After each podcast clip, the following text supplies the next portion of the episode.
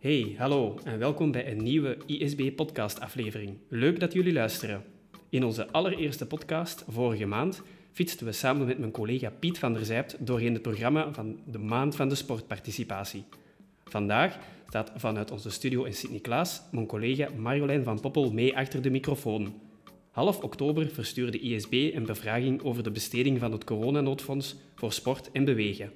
Het verenigingsleven heeft het, net als andere sectoren, zwaar te verduren tijdens de aanhoudende coronacrisis.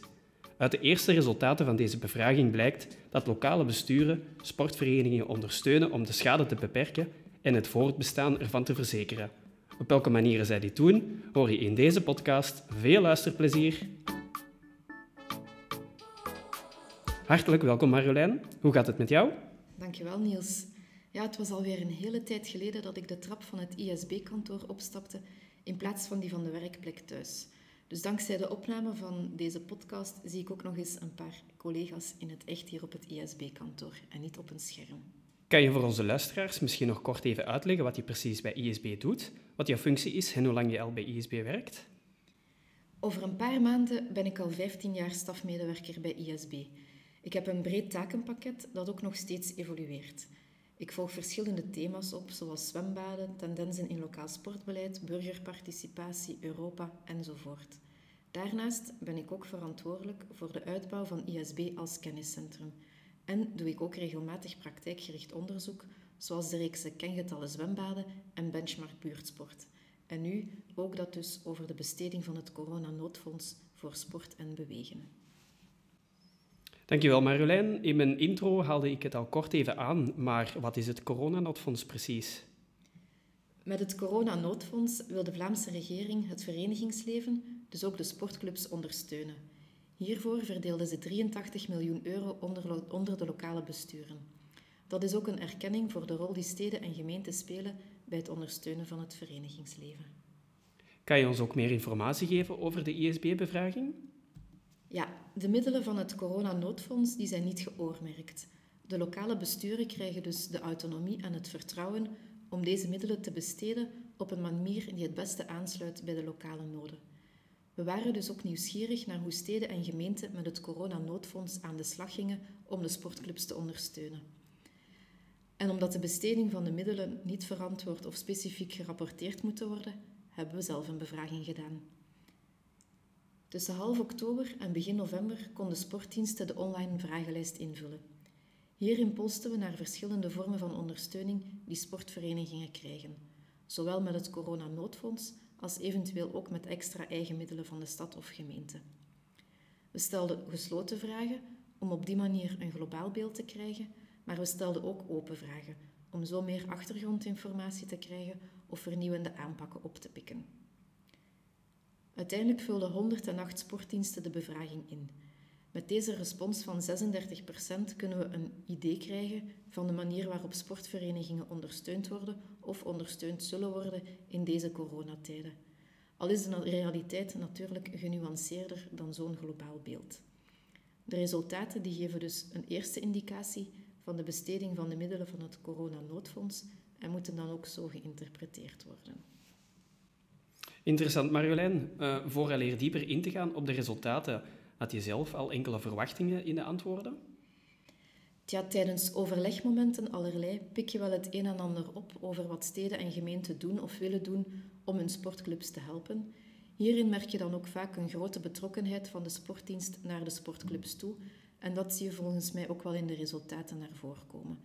Ook een heel deel sportdiensten die bevragingen doen bij hun sportverenigingen om een duidelijker beeld te krijgen van de knelpunten, om zo echt op maat van hun sportclubs iets uit te kunnen werken.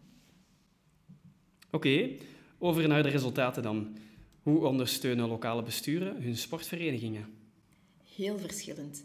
Steden en gemeenten maken heel uiteenlopende keuzes en combineren ook vaak verschillende initiatieven. Het valt ook op dat de middelen van het coronanoodfonds verhoudingsgewijs meer ingezet worden voor rechtstreekse financiële ondersteuning van sportclubs en dat de middelen, de eigen middelen, wat meer voor de andere ondersteuningsvormen worden ingezet. Indien lokale besturen de sportvereniging financieel ondersteunen, hoe doen zij dat dan precies?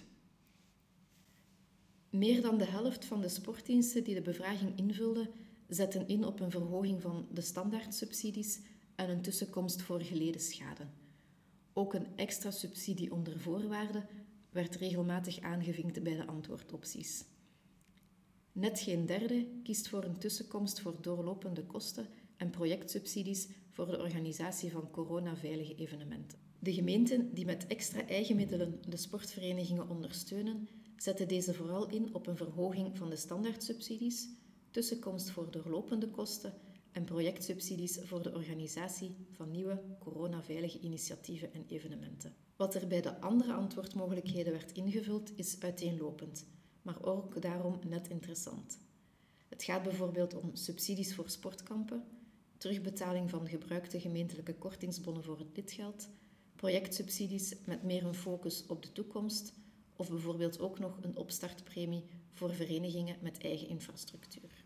En zijn er dan nog andere vormen van extra ondersteuning? Er zijn nog heel veel mogelijkheden. In de bevraging hadden we op basis van de online uitwisselingssessies die we in het voorjaar organiseerden, al een uitgebreide lijst van andere ondersteuningsvormen opgenomen. En ook daar kwamen nog heel wat aanvullingen bij. De initiatieven die onder de noemer andere ondersteuningsvormen genomen worden, hebben vooral als doel de kosten voor sportverenigingen te helpen drukken. Bijvoorbeeld materiaal aankopen en ter beschikking stellen, zich flexibel opstellen, kosten kwijtschelden enzovoort. Op het vlak van infrastructuur zet men dan lokaal vooral in op het aanpassen van accommodatie om coronaveilig te kunnen sporten en op het creëren van extra sportruimte omwille van de capaciteitsbeperkingen die er gelden. We hebben de brede waaier van ondersteuningsvormen in vijf groepen verdeeld.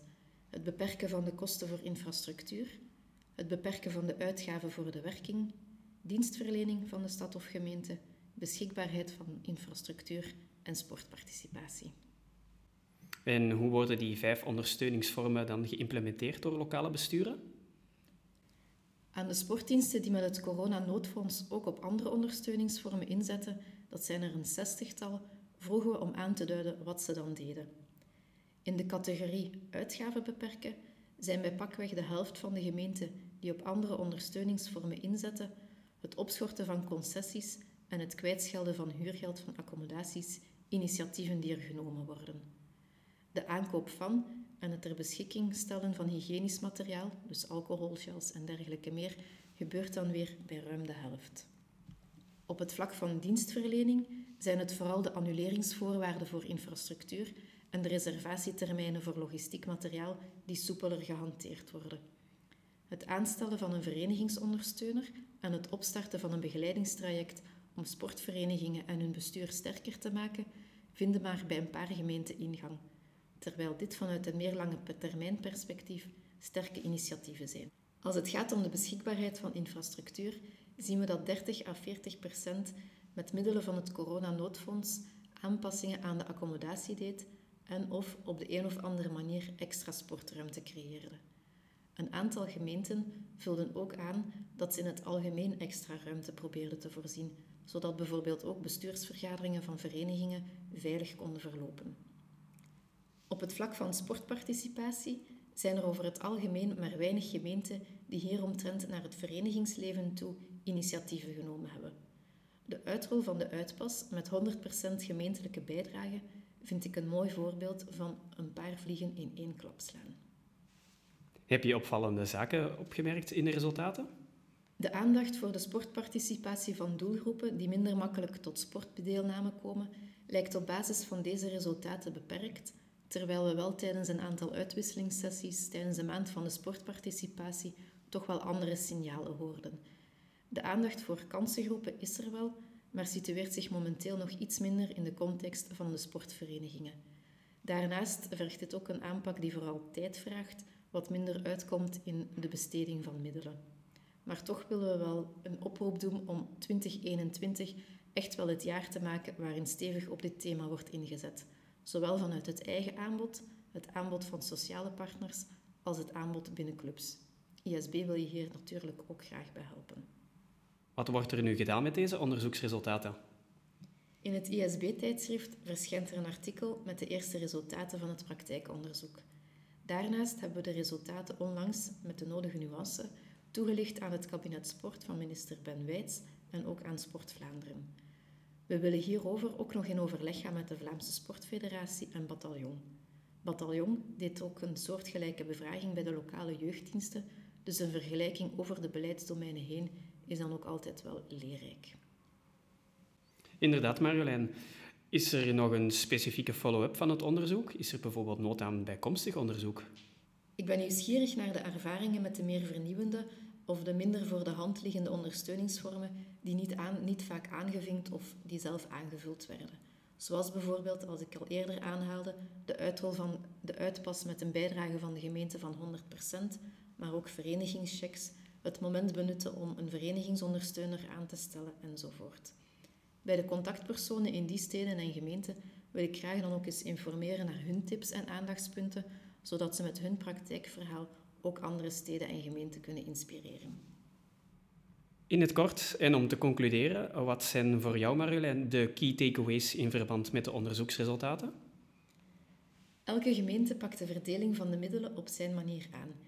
In het ene geval heeft de dienst sport of de vrije tijdsdienst daar meer zeggenschap in dan in het andere geval. Maar de beslissing over de besteding van de middelen is natuurlijk een politieke beslissing. Een andere vaststelling is dat bij een kwart van de gemeenten het eind september nog niet duidelijk was hoe de middelen van het coronanoodfonds over de beleidsdomeinen heen verdeeld zouden worden. Enerzijds omdat het afhangt van de aanvragen die er binnen zullen komen, anderzijds ook omdat de beslissing nog genomen moest worden. Ook omdat men op zeker wilt spelen. Ongeveer 30% van de sportdiensten gaf aan dat er lange termijnplannen zijn met het coronanoodfonds en dat ze nu dus een deel van de middelen in beraad houden. Want zolang de coronagolven nog komen en gaan, is de uiteindelijke impact van corona op het sportverenigingsleven nog niet helemaal duidelijk. Dankjewel, Marjolein. Ik kijk even naar de klok en zie dat onze tijd er helaas op zit. Ik vond het echt bijzonder interessant. Boeiend om te zien hoe lokale besturen hun sportverenigingen ondersteunen. Hartelijk dank voor deze heldere analyse. Dat is graag gedaan. Indien luisteraars meer informatie willen over het onderzoek en de resultaten, bij wie of waar kunnen zij dan terecht? Het artikel met de resultaten krijgt een plaatsje in de ISB Kennisbank, net zoals alle andere artikels die in het Vlaams tijdschrift voor sportbeheer verschijnen. Wie bijkomende informatie wil of een specifieke vraag heeft, mag natuurlijk contact met me opnemen. Mijn gegevens staan op de ISB-website. Oké, dankjewel Marjolein. Hou je gezond en wel en alvast een fijn en vooral speciaal eindejaar gewenst. Zo, hopelijk hebben jullie genoten van deze podcast. Bedankt dat jullie luisterden. Hopelijk hebben jullie meer inzicht gekregen over het coronanoodfonds. Hou zeker en vast ook onze sociale media en website in de gaten voor de laatste nieuwe updates van ISB. En op naar een volgende podcast. Stay tuned. Graag tot een volgende keer en hou jullie gezond. Bye bye.